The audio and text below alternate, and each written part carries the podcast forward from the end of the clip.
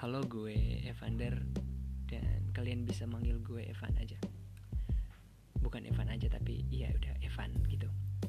Uh, Sebenarnya gue nggak ngerencanain buat pembuatan trailer ini di podcast gue dan ya udah dikit aja yang gue ceritain alasan kenapa gue mau membuat podcast.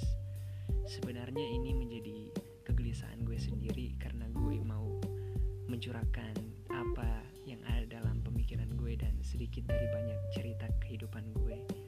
Dan dalam pengekspresian itu gue memilih salah satunya dalam bentuk podcast.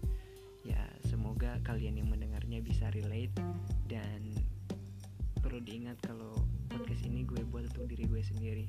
Dan sekali lagi kalau kalian relate gue sangat berterima kasih atas itu semua. So hope you enjoy